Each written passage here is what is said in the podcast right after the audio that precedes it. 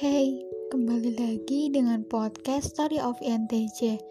Pada bagian ini, aku akan mengajakmu untuk bercerita.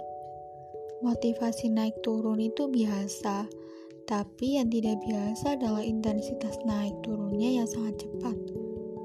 Hei, aku sering mengalami ini, apalagi ketika gagal.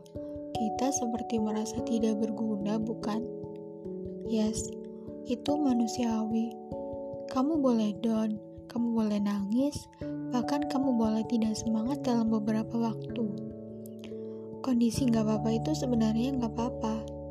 Dan nanti pasti kamu akan sembuh lagi. Jadi aku dapat insight. Semakin kamu sendiri, mood kamu bisa semakin gak baik. Cari teman yang bisa menghibur kamu. Semua manusia pasti berhak untuk berteman, bukan?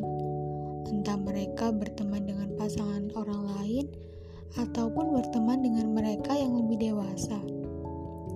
Terkadang, mendengar pemikiran orang lain membuat kita lebih terbuka, padahal sebenarnya kita tahu akan hal tersebut. Ya, memang, ketika kita sedih, semua yang berada di depan kita nampak tidak berguna, kecuali pemikiran dari orang yang kamu suka atau hanya sekadar menghabiskan waktu bersama sahabat. Tidak salah, bukan? Siapa pun yang bisa menghiburmu dalam kesedihan, kejarlah mereka. Siapa pun yang perkataannya kamu ingat, kejarlah mereka. Sudah, jangan merasa tidak berguna lagi. Dengan kamu menghubungi temanmu, mungkin saja dia menjadi tidak kesepian.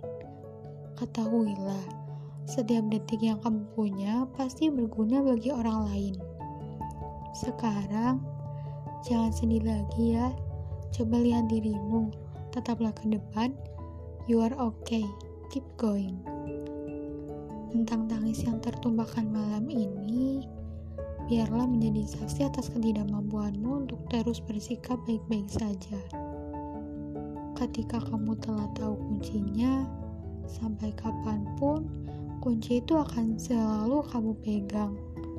Tinggal bagaimana cara menjadi kunci yang cocok, bukan? Semoga segala hal baik kembali kepada orang yang baik.